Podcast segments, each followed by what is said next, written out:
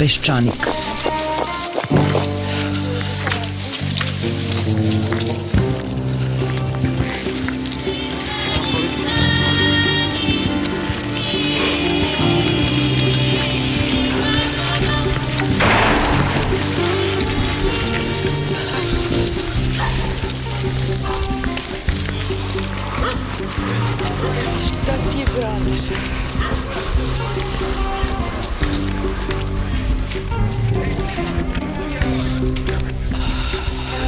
Peščanik.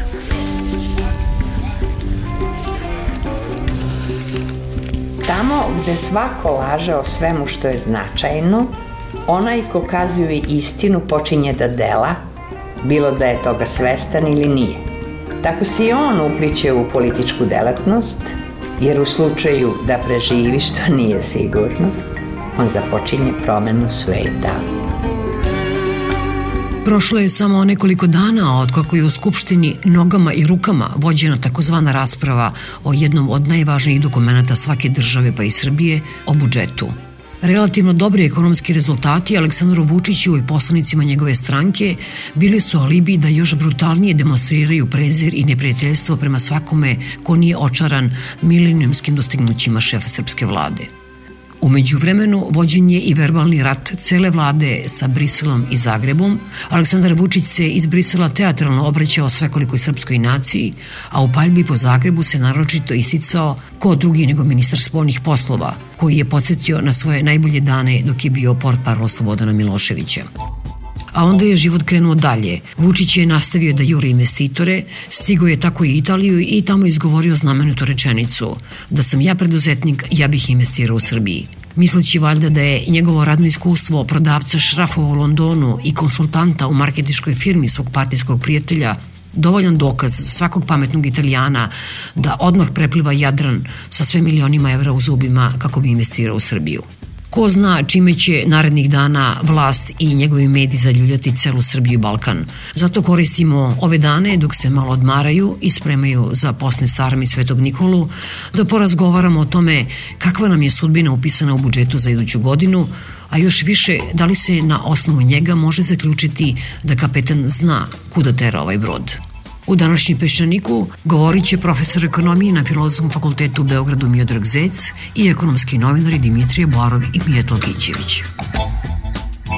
Još uvek postoje velike sume koje vlada troši po svom nahođenju zato što nije sprovela reforme. Ima veliki deo para, recimo to su subvencije, to su ove garancije koja daje, a koje za razliku, za razliku od nekih ranijih godina sad više ne znamo zašto se to, na, na šta se to sve odnosi i te subvencije i garancije i podrška, podrška ovim preduzećima. Zatim ono što je tu jako bitno, a mislim što, što se ne vidi, to je da postoje neki dugovi koji su nagomilani u prošlosti, a koji se čak u budžetu, da kažem, oni su uopšte ne vide, ne vide se ni u fiskalnoj strategiji, a koji će sigurno doći na naplatu. Pa recimo, tu postoji sad 60 milijardi dinara dugova koji imaju lokalne samouprave, zdravstvo i zdravstvo recimo po 10 milijardi, Galenika dugo je 9, RTB, BOR ima, to su 10, to su sve ovi zaostali dugovi. Ove godine je napravljeno 20 milijardi dugova prema EPS-u i NIS-u koji će u jednom trenutku morati da budu plaćeni. Veliki izdatak koji nam, koji nam prestoji, to je restitucija. To je da, da posjetim, mislim, to od 2018. godine trebalo bi da se krene u plaćanje tih restitucija u novčanom delu, to je ukupno oko 2 milijarde evra, znači 250 milijardi dinara. Dobro, to neće biti plaćeno odjednom, nego ima tamo negde, kako je predviđeno, 12 godina, ali to je opet, znači, jedno 20 milijardi godišnje.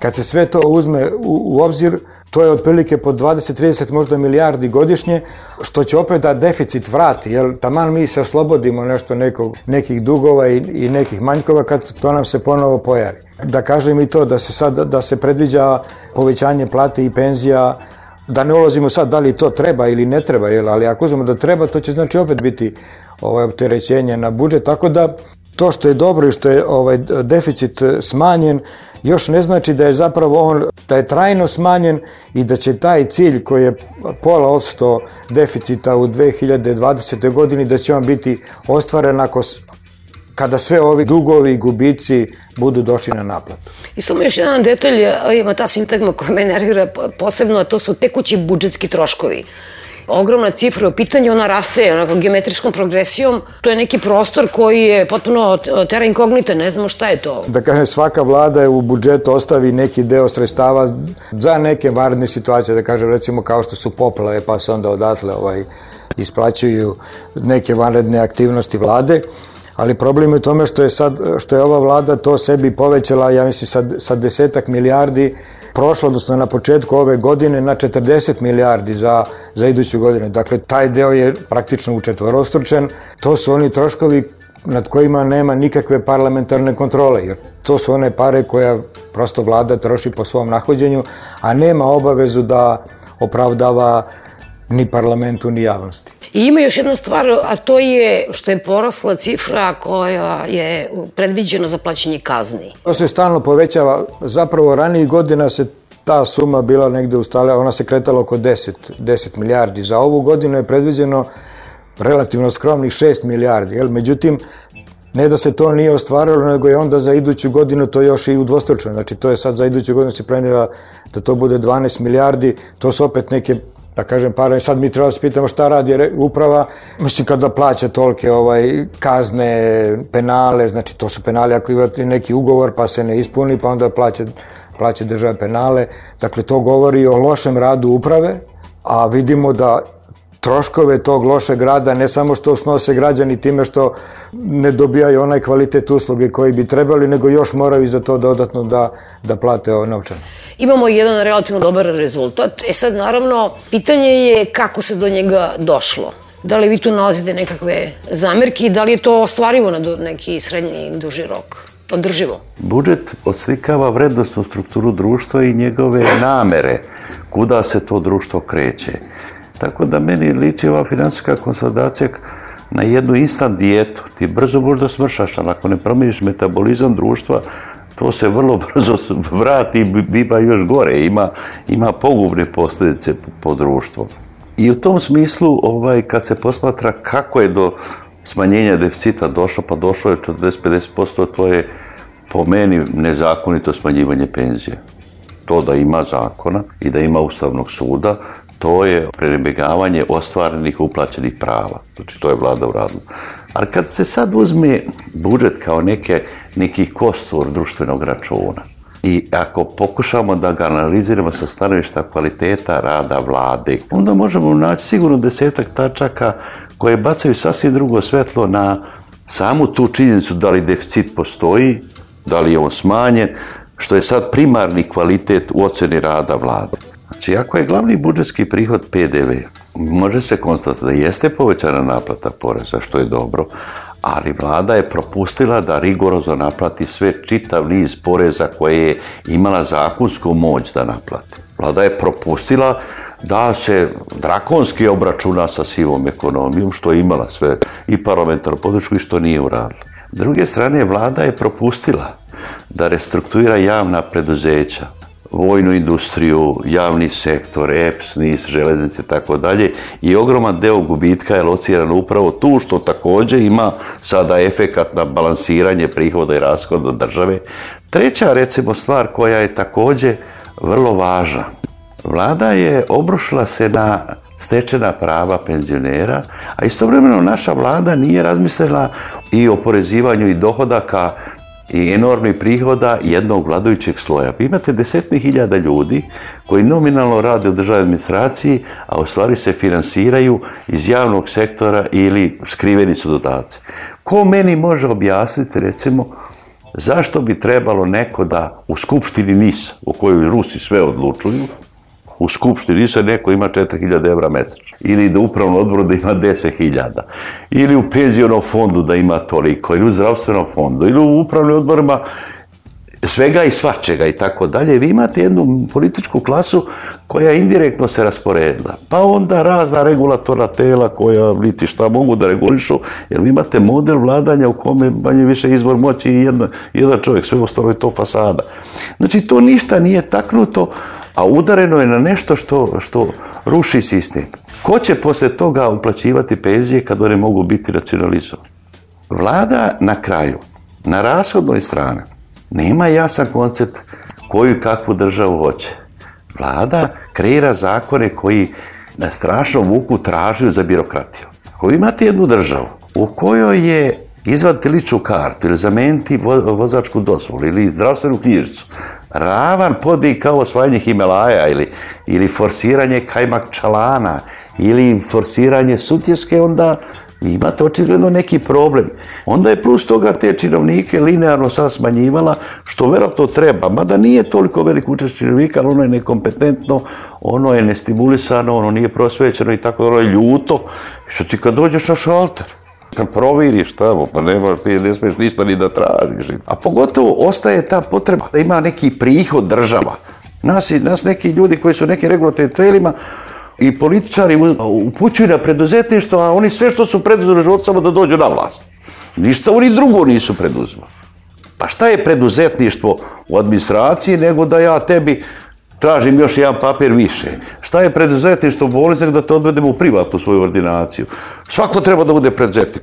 Ne treba svako da bude preduzetnik, neko koji je general, ne treba da ima hemijsku čistionicu i tako dalje.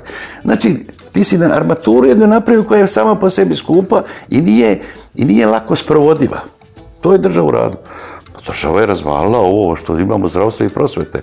Ti uđeš u bolonsku deklaraciju, pa onda radiš nešto sasvim deseto. U bolonskoj deklaraciji trebaš da položiš ispit iz prvog puta imaš još jedan, a ti položiš ispit 17 godina. A to zoveš reformom. I sad vlada je opsednuta subvencijama. Doista je opsednuta.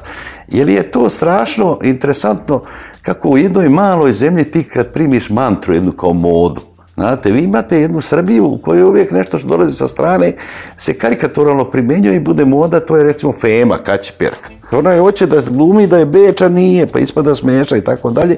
Vlada ne shvata što su subvencije veće, znači da je njen proizvod, država, poslovni ambijent, procedure, lagodnost funkcionisanja, time manji. Time manji. Što i kad i god povećava, znači da ona bazična njena funkcija vlade, vlade, vlada proizvodi ambijent, znači da toga nema. Ako ja pitam strane investitore šta oni hoće, oni kažu hoće da vi još date plate, a da mi imamo svu zaradu. Kad bi samo studenti odlučivali, oni bi vjerojatno ukili ispite. A to što se svako je živio na školstvo, pa jedino još što možemo da izvezemo na zapad bez subvencije su ljudi. Na zapad odlaze samo ljudi iz nekoliko tačaka u Beogradu. Odlaze studenti sa PMF-a koji treba da se uruši jer nema ni krova i temelji klize. Znate, vi imate situaciju jednu u kojoj imate Beogradski univerzitet protiv koga su sada svi. A koji je jedini na Balkanu na toj šangajskoj listi, koja je zapadna lista. I još je otišao gore. I on je linearno kažnjen i ve manje su plate nego u Kosovskoj Mitrovici. Znači, mi nećemo da postavimo pitanje koje nama škole trebaju, koje bolnice, koliko oficira, koliko popova i da kažemo to je to. I onda, onda upadamo u te disbalanse i to je filozofija budžeta. Budžet oslikava vrednostnu strukturu društva, kome se uzima i kome se daje. Ovdje to biva nejasno, mi se zamajavamo brojkama, a nemamo kostur. Mi bi trebali da imamo paralelno neko društvo kome težemo, pa kaže njegova struktura prihoda je takva, struktura rasa takva. Pa bi onda vidjeli naši preduzetnici. U ovo gdje oni nose svoj novac odavde. Koliko su tu poreze na dohodak? Recimo u Hrvatskoj, u Sloveniji, u Češkoj. Zašto je tamo ima pet razreda za oporezovanje bogati ljudi, ovdje samo dva. Ovdje možeš uzeti milijardu sa 15%. A onaj tamo ne da zato što kaže možeš biti bogat, ali moraš stalno da vraćaš u siste. A ovdje sa malom stopom ti u stvari dolaziš do novca koji nosiš napolje. Pa bi vidjeli recimo da u Americi jedno imamo ogromne poreze na nasljeđe, recimo. Jedna je stvar naslediti dvosoban stana. Jedna je naslediti imperiju od 10 milijardi. Zašto to tamo ima? Zato što svaka generacija treba da stvori svoj društveni proizvod, da se ne stimuliše rentijerstvo. Ovdje naša vladajuća klasa misli da uzme danas pa da, kaže, i čuku unuke sam obezbedi. Pa ne možeš obezbediti kad nemaš državu, revolucije se često javljaju i ostaneš bez ičega i bez glave. E, to mi je država je jedan ozbiljan stvar. Budžet je samo nje neki globalni izraz koliko taj metabolizam društva vuče ka ravnoteži. On se vidi u svim tim tačkama. A ovdje je budžet kao kazan, bore se za kutlaču, strasti su pomešane i onda je na kraju imamo to što imamo. To ne posmatra se u toj nekoj razvojnoj perspektivi. Da se kaže, jeste, Možemo imati 200 studenta koji će nam operisati. Možemo dati stipendije za 200 mladih hirurga. Mi kupimo aparat koji ne zna niko da, da uključi. Razumijete? I tako dalje. I to je sve budžet i to je filozofija budžeta. Ja tako posmatram stvari. A onda kad mi uzmemo tehničke detalje, onda uzeli smo ovde, ako bi ćemo tako log, pa, pa ja bi eliminisao deficit za 24 sata, ja bi prestao isplaćivati penzije. Mislim, ako je to, ako je to rešenje, rešenje je sasvim na drugoj strani da li je metabolizam promenjen. Metabolizam društva nije promenjen, ono kreira sistemski deficit. Primjera radi, država ima dug i u redu je to. Ali jedno je kad Nemačka država kreira dug, njoj se pozajmljuje sa negativnom kamatnom stopom. To mi ne možemo. Ali mogli smo raditi jednu sljedeću stvar, što nismo uradili. Mogli smo reći, ja ću napraviti sistem u kome ću dati opciju svom rođenom stanovništvu da po pristojnoj kamatnoj stopi na nivou stopi inflacije plus 0,5% finansira svoju državu. Ne, ne, mi smo obacili posrednike, mi narod teramo koji ima višak da daje svoju štednju za nula, a država pozajmljuje po 3% plus libor i tako dalje i tako dalje. Znači, pitanja su ta ključna. To se zove reforma, to se zove konsolidacija i ti moraš znati čemu težiš. Ti ovde ne znaš čemu težiš. Da li težiš liberalnoj državi, da li težiš socijalnoj državi, da li težiš državi koja, koja ima, ima šansu za svakoga ili težiš državi koja se finansira urušavanje. Imate porodice sada, od pet porodica ima jedno dete i oni će odrediti neke živeti, tako prodaje jedan, prodaje drugi, prodaje treći star. Pitanje šta se hoće. E to prethodno pitanje već 50 godina je otvoreno. Mi smo jahali na istok, udri, udri, udri, 50 godina nosi ovaj zastavu, sad došli tamo, tamo nema ništa, sad idi nazad, sad kad dođem nazad još gore, ajmo na jug, ajmo na sever i tako dalje. E to su problemi vlada, država, skupština, ona mora da postoje neki koridori, da dugo istrajava na njemu.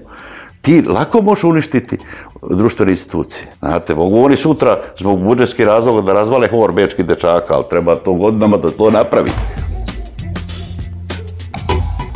Pa vidite, mi ovde još nismo spomenuli jednu okolnost koju ja smatram da treba spomenuti, da i ovaj budžet za 2017. godinu morao da se napravi tako da bude po volji da može da ga stvari MMF, jer je Srbija u tom aranžmanu. Tako da bi u nekoj karikaturi se moglo reći da ovo što smo postigli 2016. i što nameravam da postignemo iduće godine, to je uspeh MMF-a.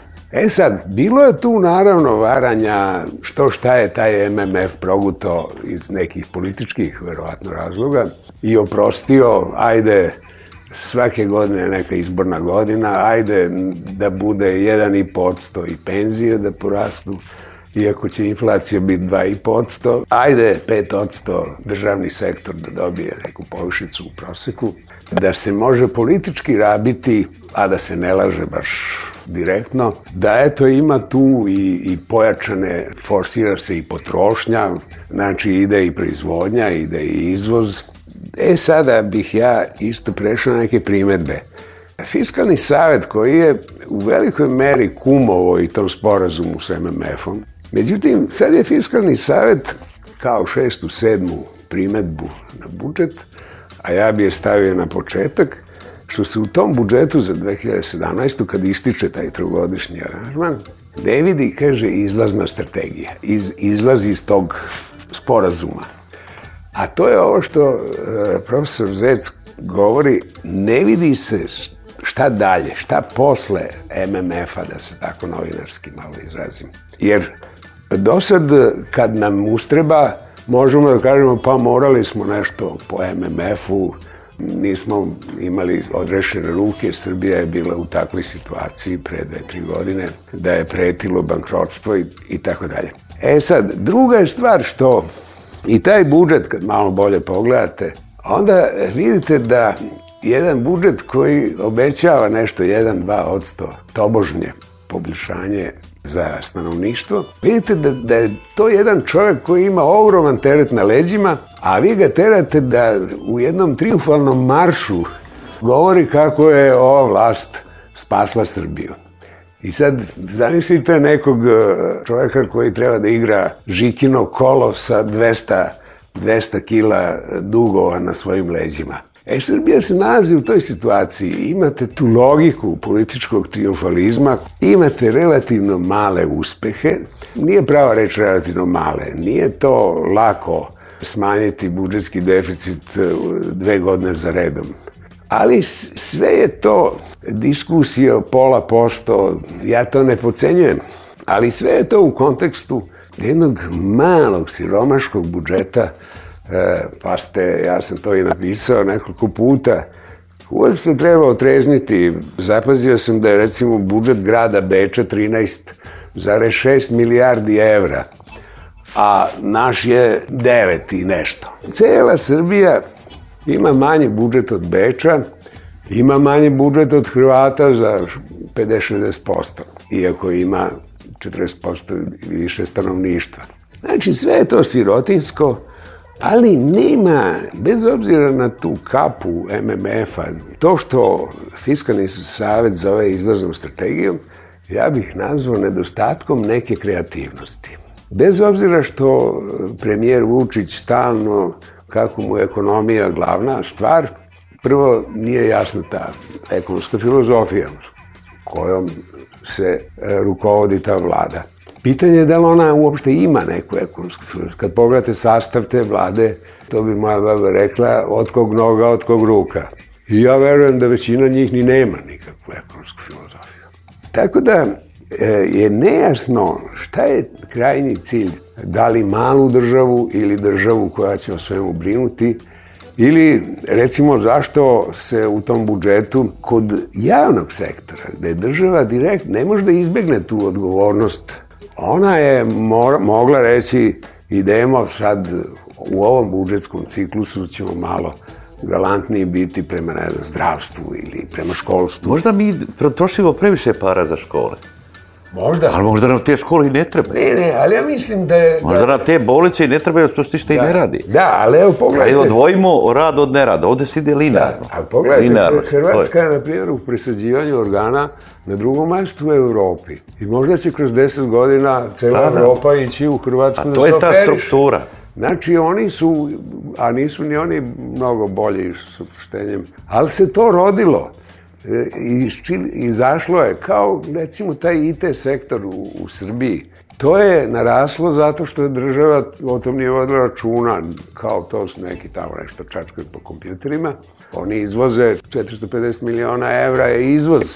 Ali sad je jedan put počelo tu muvanje, uveli su tu englesku neku firmu, ajde da njima damo subvencije, šta će subvencije, dajte ovima, a ovi ni ne traže subvencije. Tako da je to nekako prosto suprotno. Ovde, ovde je reč da se preuzme već stvoreni proizvod. Jeste, oni sad uvode jednog stranca i hoće da ga stimulišu i da on preuzme, da da veće plate, da preuzme najkreativnije ljude od ovih drugih i praktički uruši jed, jedan sektor koji je samonikao i koji se afirmisao veoma brzo. Ako kad je reč o izlaznoj strategiji, da se ja ovaj, ubacim u tu priču o, o strateškim pitanjima i temama. Izlazna strategija je zapravo reforma tog javnog sektora o kome se stalno govori, a koja nikako da otpočne.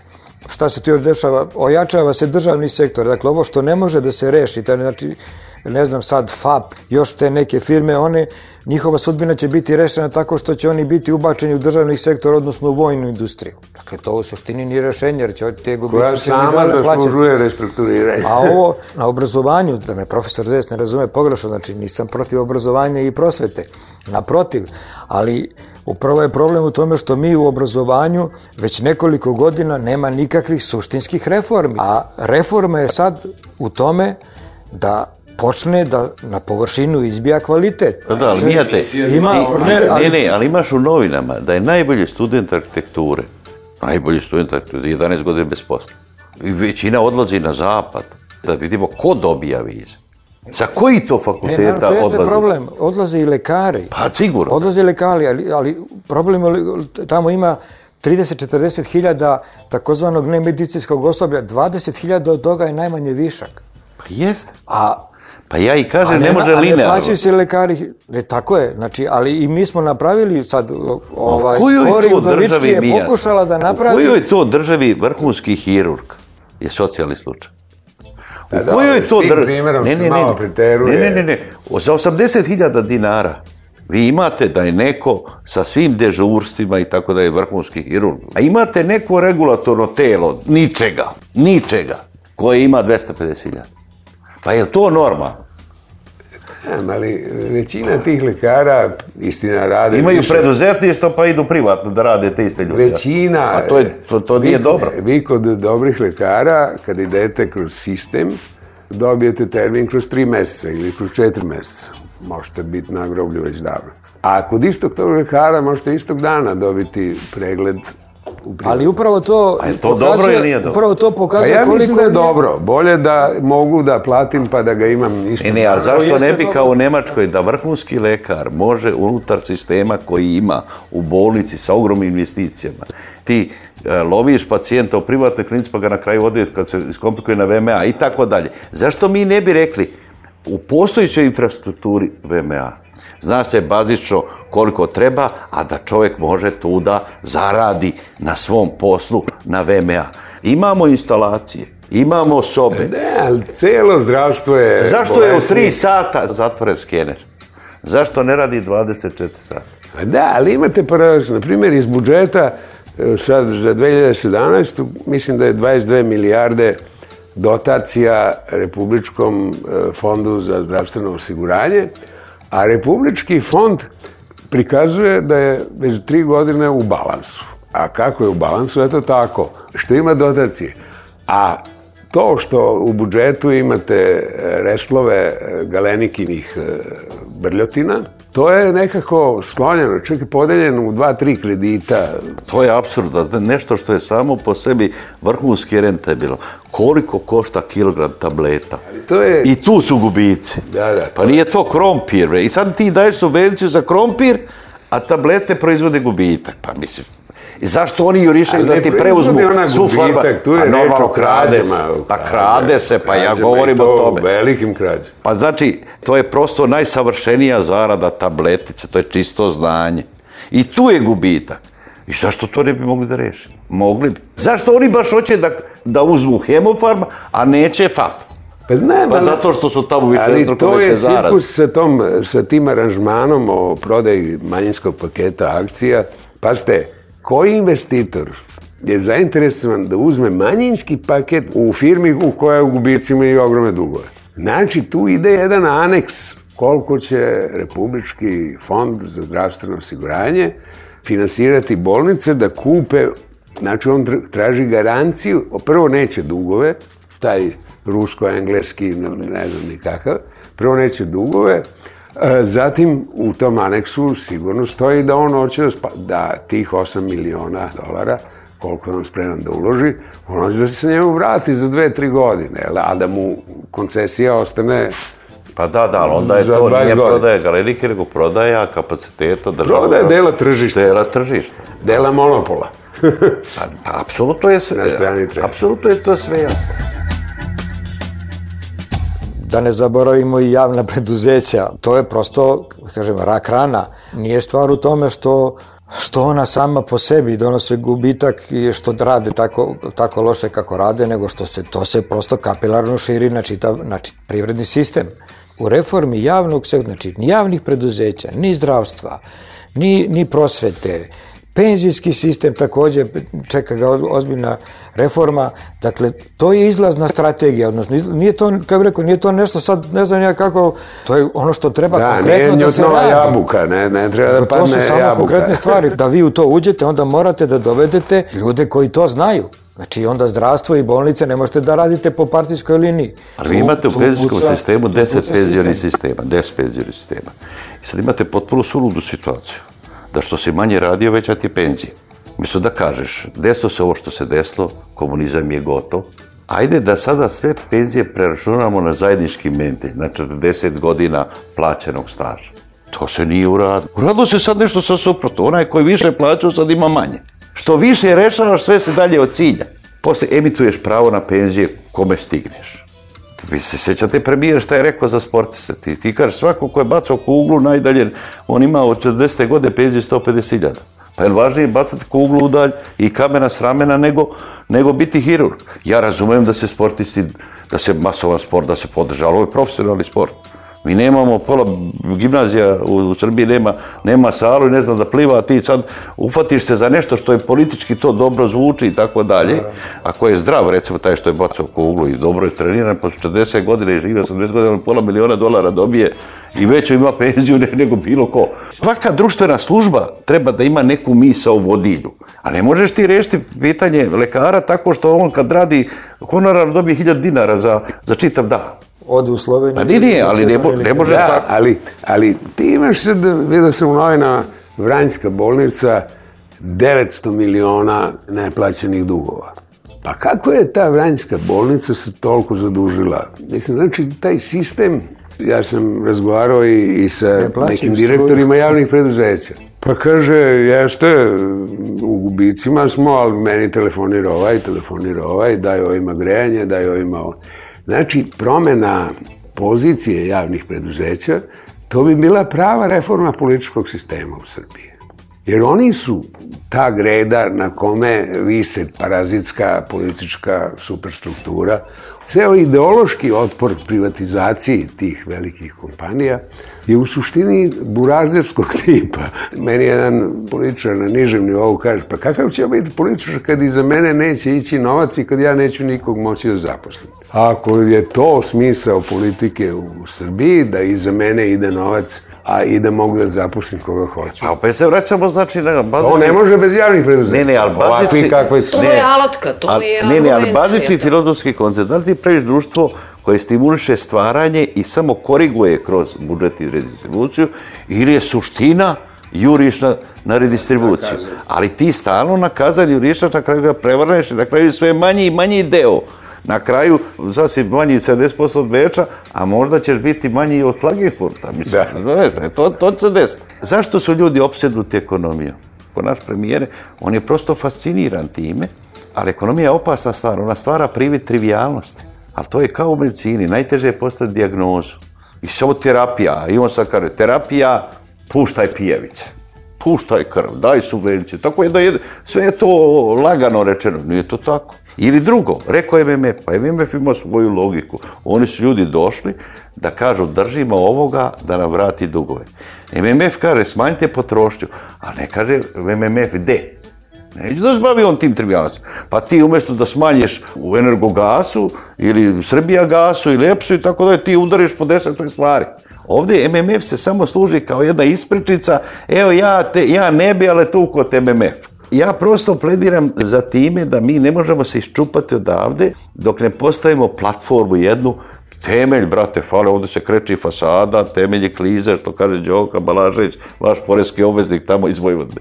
Kad postaviš to pitanje, svi kažu, nemoj sad o tome, znamo, tačno je to, ali o tome ćemo kasnije. Pa si u pogrešnom vozu, sve stanice su pogrešne, nema tu spora. I kad uzmeš taj budžet, po svakoj tački ti možda vidiš. Ti sad ovdje imaš rak rane, recimo u rashodnoj strani što kažeš ti vojna industrija. Pa vojna industrija je najrentabilnija industrija. U, uz tablete, drogu i vojne avione, ti izdvojim svi Da, ovi zarađuju. naši imaju gubitke. Pa ne, ali ti imaš gubitke u toj bazičnoj stvari. Ti proizvodiš najrentabilniji proizvod u vojnoj industriji je municija. I mi sad samo udaramo proizvode u municije, džebanov. Ali sve to treba znati. Ti razvališ VTI, razvališ studije, mašinstvo i to niko ne može napraviti nešto. Ali je suština, evo ovo, 400 miliona, vi kažete, bio je izvor IT sektora, regulisan. Pa Fiat nema 50 miliona neto rezultata. A ovdje 400 miliona. I ti sad daš mogućnost da neko pokupi te male preduzetnike koje priroda znanja je malo preduzetništvo, što su inovacije. Pa je Bill Gates je počeo garažu. Veliki preuzme male. Ali da se ovima desiti da i preuzme na početku, neće se desiti ko sa Facebookom, da na kraju onaj koji je smislio zaradi 12 milijardi. Ja zaista, zaista mislim da u Skupštini bi treba se otvoriti te rasprave o konceptu, ali ništa od toga. Ti stalno guran tekućim problemom, ti u stvari ne postaviš sve pitanje što ja to radim. Treba da se postavi pitanje razvoja i da se o tome razgovara. A za razvoj potreban je pre svega politički mir. Je. Problem je što mi u Srbiji nemamo politički mir. Te subvencije jako mogu malo da, da postignu ne samo što su one, da kažem, sama po sebi pogrešni što ne daju neki rezultat, one i što sa druge strane e, domaće privrednike, da kažem, stavljaju nepovoljniji položaj, jer vi da kažem, vi sve radite po tržišnim principima, vi, vas sve košta, a oni, em su bogati, em to dobijaju džabe. I na taj način vi zapravo dobar deo domaće privrede domaćih, ako ćete kapitalista, izbacujete iz igre. Sa druge strane, politički, ono što mi gledamo u parlamentu, ja ne znam šta vi mislite kad neko ko ima novac i hteo bi da ga ovde uloži, šta on misli kada gleda to? On ne zna da li će sutra, da će sutra ovde da izbije neki, ne znam, mali građanski rat ili nešto, da će neko da bude uhapšen. Znači ovde, je, ovde se to pocenjuje i mislim da je to ne znam da li greška ili da, da li to ovaj Vučić ne vidi ili to namerno radi, ali to je ključni problem zašto Srbija ima male investicije. Kod nas i to je milijardi i 800 miliona evra na godišnjem nivou bilo prošle godine, ove godine, iduće godine će isto biti uz sve subvencije, uz sve priče, znači to ne raste. Drugi investicije isto tako rastu jako sporo. Ove godine će biti 18,5% bruto domaćeg proizvoda, iduće godine 19%. To je ništa, nama treba 25% za neki, za neki brži rast.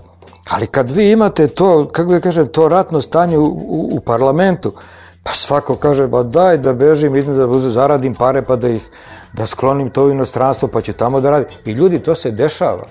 Odavde naši ljudi iznose pare napolje, ma odmirnije rade.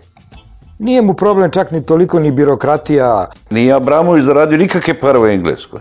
On je zaradio na čuhotki to i pobego je tamo u sigurnu luku. Najveći engleski proizvod više nije Rolls Rolls, nego su engleska država, engleske banke i to je, to je tragedija. Ja sam, ja se izvinjam, ja sam za bolnice ove.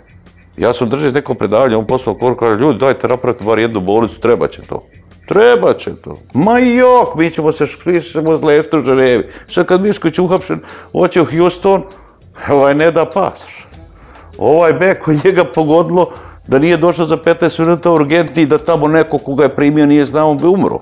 Ne, daleko je Ženeva. Naša vladajuća klasa i naša bogataška klasa nije svesna koristi i blagoteti od uređenog društva.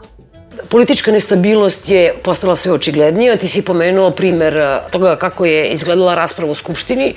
Međutim, E, i sam premijer i ne samo samoj skupštini, nego svuda gde ide, te dobre rezultate koristi, tako da kažem, kao pogonsko gorivo za sve agresivniji odnos i prema opoziciji, i nezavisnim regulatornim telima, i medijima, i Evropskoj uniji kao da je poludeli kapetan na nekom brodu koji uređuje mašinsko odeljenje, a brod ljulja tako da ispadaju putnici, ispada i posada i ne zna se više u kom pravcu se kreće. Prosto nekako je u poslednjih dana i, i povodom ovog budžeta jako uznemirava ta politička nestabilnost, a tek šta će da bude sa izborima koji će uslediti vrlo brzo. Mislim, to je možda korisno radi održanja vlasti ili da se prave stalno te tenzije, jer tako Vučić tu, ovaj, svoju partijsku vojsku drži stalno u nekom ono, u naponu, stalno su u akciji, možda oni bez toga ne mogu, ali rekom, vanredno stanje nije, e, nije stanje za, za ekonomiju. To što profesor Zed često govori, ali to, je onda, to je onda preraspodele. Mi sad imamo, da kažem, e, nove biznismene, Znači, jer, jer oni uzimaju posao od onih koji su ranije to radili, možda jedan deo ljudi ostaje bez posla, znači napustili je 20.000 neki, neke srednje klase javna preduzeća, javni sektor, ušlo je 20-30 hiljada ovih koji su članovi SNS-a, oni su sad ti koji, koji koriste ovo, ovo doba, imaju sigurne plate,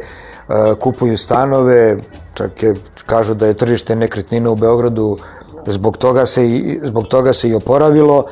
Dakle, mi tu zapravo imamo preraspodolu. Jedan deo stanovništva, a pre svega ovih članova SNS-a, oni možda napreduju, njima standard raste, ali ogromnoj većini građana Srbije standard pada ili, ili, ili stagnira. To je s jedne strane rezultat, posledica, pokazatelj političke nestabilnosti, a s druge strane to političku nestabilnost dalje, dalje produkuje.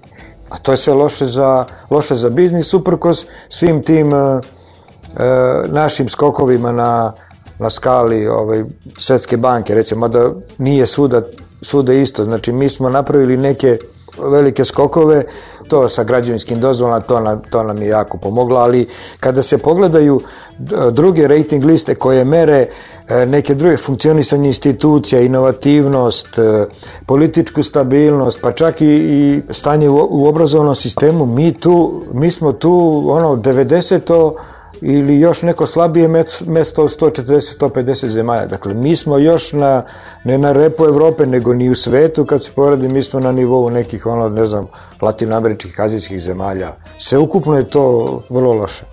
Naša politička borba i to što se dešava u Skupštini, ja ne vidim tu neke koncepcijske rasprave. Tu imate privatno nadgornjavanje, opet s druge strane nije nestabilno, nikada nije većina bila veća ali je ta većina se ne koristi da se reše ta kapitalna pitanja, nego da se dotuče ovaj protivnik. Znači, ne, ovde se ne svata blagotvornost uređenog sistema i blagotvornost kritičkog mišljenja. I svako bilo kako političku konkurenciju doživljava kao najveću tragediju. Kohabitacija ovde kad pomeneš to se svima povraća. Znači, a mi da mi kažemo, nije moguća kohabitacija. Ajde izaberemo kancelarski sistem ili izaberemo predsjedničko, izaberemo nešto što je priroda naša. Ne, mi imamo nešto između. Narod ne svata ovdje da je sistem saveznik, da je blagotvorno uređeno društvo. Pa vi gledate kako narod juriša autobusku na Bastilju. I mi smatramo da smo u konfuziji se snaći, jer svi naši prevrati završavali jednom konfuzijom i novo preraspod bogatstva. Glavno, brdo spasa je dedinje i to se menjaju, menjaju se stalo stanari. E tu nikako ni elita, ni narod Boga nije to shvatio da je... Više da je, elita. Molim se. Pa i narod, i narod reaguje na... Na podsticaj. Pa evo primjera rada. Ja sam kad su ove penzije bile umanjene, bio na jednoj svadbi, dolazi meni jedan seljak i on je oduševljen što je to tako, jer njegova je 12,5 hiljada i nije smanjena. I on smatra svako ko ima više od 12,5 hiljada je prosto njegov neprijatelj. Kažem ja, to su se baš odlično sjetili, on čovjek ode zadovoljan kod svoje gospođe, da sam ja to podržao. Pa dolazi ponovo me pita, šta dalje? Pa rekao, ne znam ja šta dalje, ali može se desiti sledeća faza da ko ima 10 hektara zemlje da mu uzmu 3, a da ovome koji ima jedan da daju dva. O, kaže, pa to nema smisla. Pa ja kažem, dobro, možda ima, možda nema. Evo, recimo, ja sam bez zemljaš, ja bih baš volio da imam voćak u Kraljevu. To je ta percepcija. Percepcija redistribucije večite. I zato je ta borba za tu kutlaču. To je samo ti mačara. Ti se ovde kazi inovacije. Ti sad ovo malo inovacija izvoziš, a hoćeš da se obogatiš i da rešiš pitanje nacije tako što će stimulisati da neko šije gaće ovde. Mi nemamo naroda.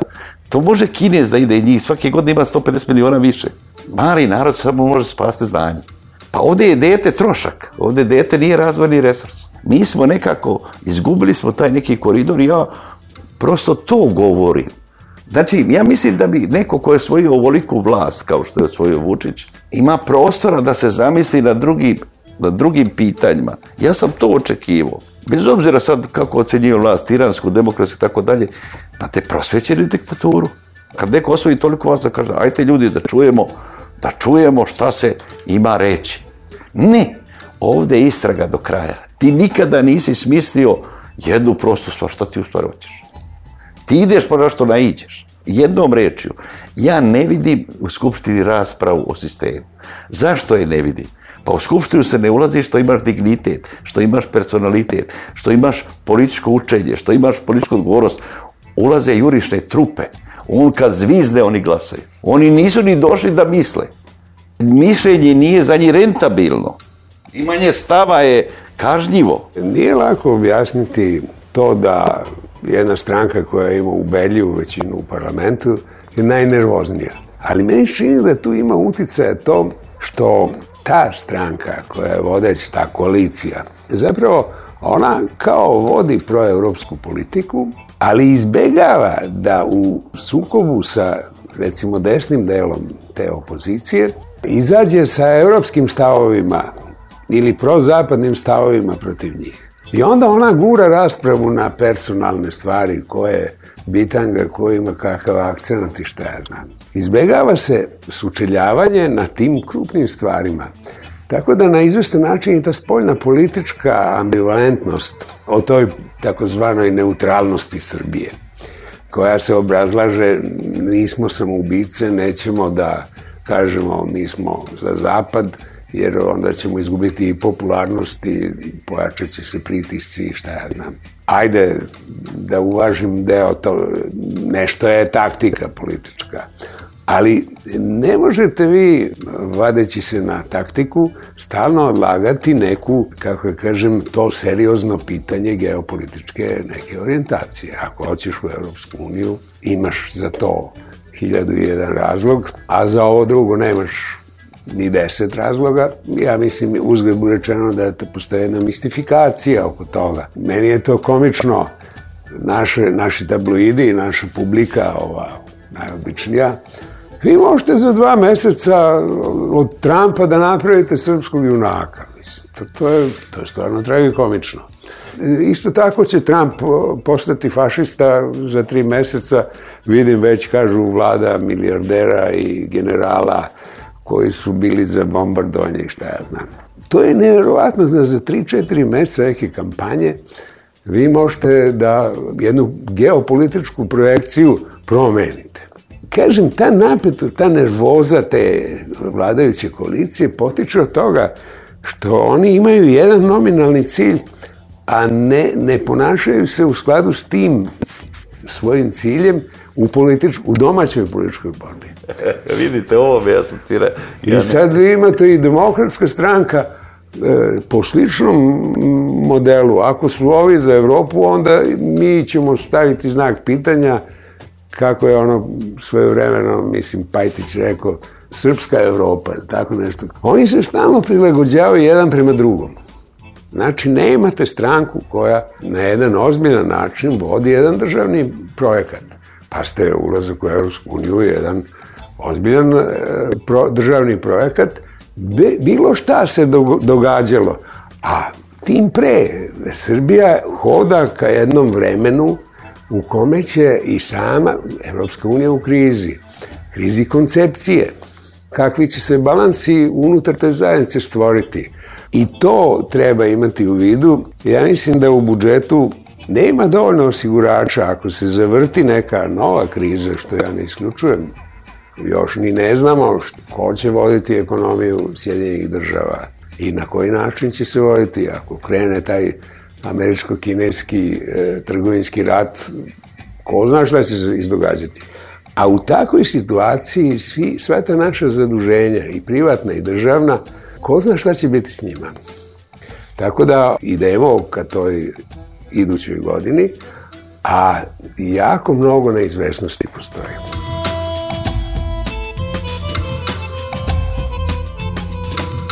Bio ovo Peščanik, slušali ste Miodraga Zeca, Dimitrija Borova i Mijeta Alkićevića. Pozdravljaju vas Svetlana Lukić i Svetlana Vuković. Peščanik –